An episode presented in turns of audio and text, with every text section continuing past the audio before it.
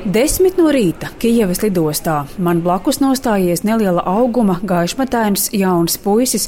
Abi raugāmies augšup televizorā, kurā mainās izlidošanas laiks.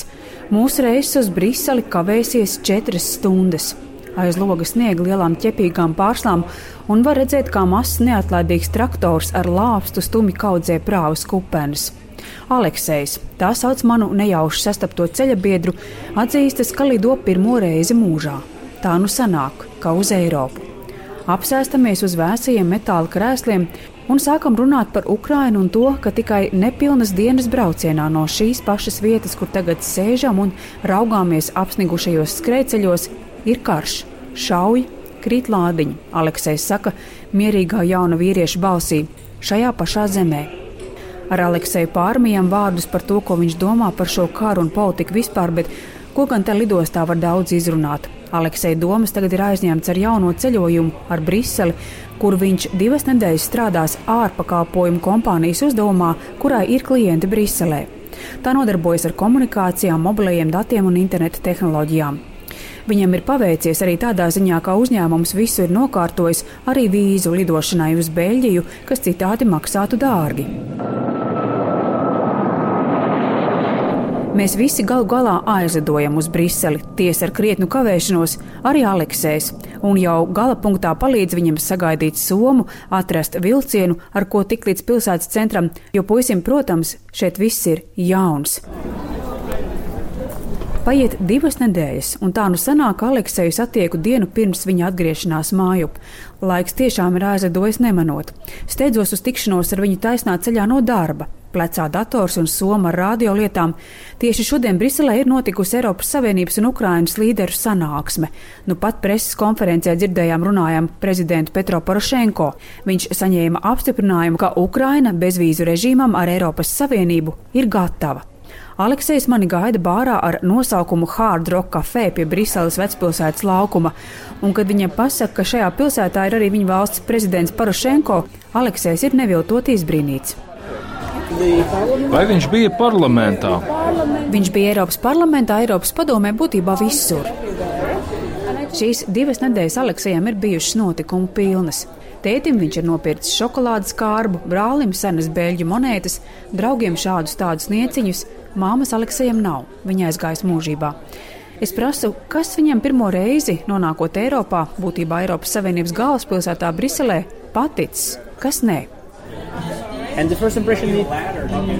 Oh, Sākumā man bija sajūta, ka tā ir tikai vienkārši cita pilsēta, ka tā ļoti neatšķiras no Kievas, īpaši, ja runājam par centru, un tad pakāpeniski sāku atskārt, ka tomēr esmu kaut kur citur. Laikam cilvēks ir tā iekārtots, ka smadzenes lēnām liek pieņemt situāciju, nekrist panikā. Un tad bija tādi gadījumi, ka, piemēram, dzīvoklī, kurā uzturējos vannas istabā, totāli nedarbojās stikla durvis, kuras bija domātas ūdens aizturēšanai no izplūšanas tālāk telpā. Ukrainā mums ir priekšstats par Eiropu, ka te viss ir ļoti praktisks, ka neko neiznieko, ka viss ir saplānots. Un šīs nekam nederīgās stikla durvis nāca kā pirmais pārsteigums. Varbūt tādēļ, ka mans darbs ir ieraudzīt to, kas nedarbojas un salabot. Tāpēc tāds viedoklis. Un cilvēki? Cilvēki varbūt tiešām varētu teikt, ka viņi ir laipnāki nekā pie mums, bet es nezinu, vai viņi ir laipni sirds dziļumos. Taču pieklājīgi viņi ir pilnīgi noteikti. Prasu Aleksējam, vai viņš gribētu atgriezties, vai viņam liktos svarīgi, ka Eiropas Savienība un Ukraina noslēdz bezvīzu režīmu. Important Svarīgi? Jā, ik viens par to runā. Daudzi ne tikai vēlas apmeklēt Eiropu, bet te arī dzīvot. Daudzi domā, ka te ir teju perfekta pasaule, ka atliek tikai atbraukt un viss nokārtosies. Es pats nekad tā neesmu domājis. Un pirms brauciena man arī nebija ideālistisku priekšstatu.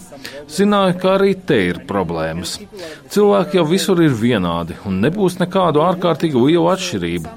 Es arī redzēju, ka cilvēki ir gluži tādi paši kā es, tādi kā Ukrainā. Ar Alekseju runājam vēl ilgi un bāru pametam, kad ārā jau ir pavisam satumsis. Nobildēja viņu uz vienas no Briseles vecpilsētai tūmā esošajām ielām. Aleksēja reis uz Kievu atpakaļ ir nākamās dienas pusdienlaikā. Pēc dažām dienām saņēmu no Alekseja e-pasta vēstuli. Viņš raksta, ka palaimējies lidmašīnā apsēsties pie loga un ar skatienu pavadīt Briseli, vērot, kā mājas pamazām attālinās līdz izskatās pēc spēļmantiņām. Un vai tu lūdzu varētu vēl savā stāstā no manis pateikt, ka būtu ļoti labi, ja Eiropas Savienība un Ukraina patiešām ciešāk saslēgtos, jo kaut vai tādēļ, ka mums ir tik daudz interneta tehnoloģijas speciālistu un arī cilvēki beidzot atbrīvotos no stereotipiem, viņiem būtu iespējams pašiem iepazīt Eiropas labās un sliktās puses. Nu tā, un atsūti man lūdzu bildi no Brīseles vecpilsētas. Ilgojos pēc tām dienām. Aleksis raksta. Bildes viņam aizsūta, un tajā pašā dienā mēdījos ir arī ziņa, ka Brisele pavirzījusies soli tuvāk formalitātēm, kas ar vienu kavē bezvīzu režīmu. Ukraina gaida. Ina Strāzdiņa, Latvijas Rādio, Briselē.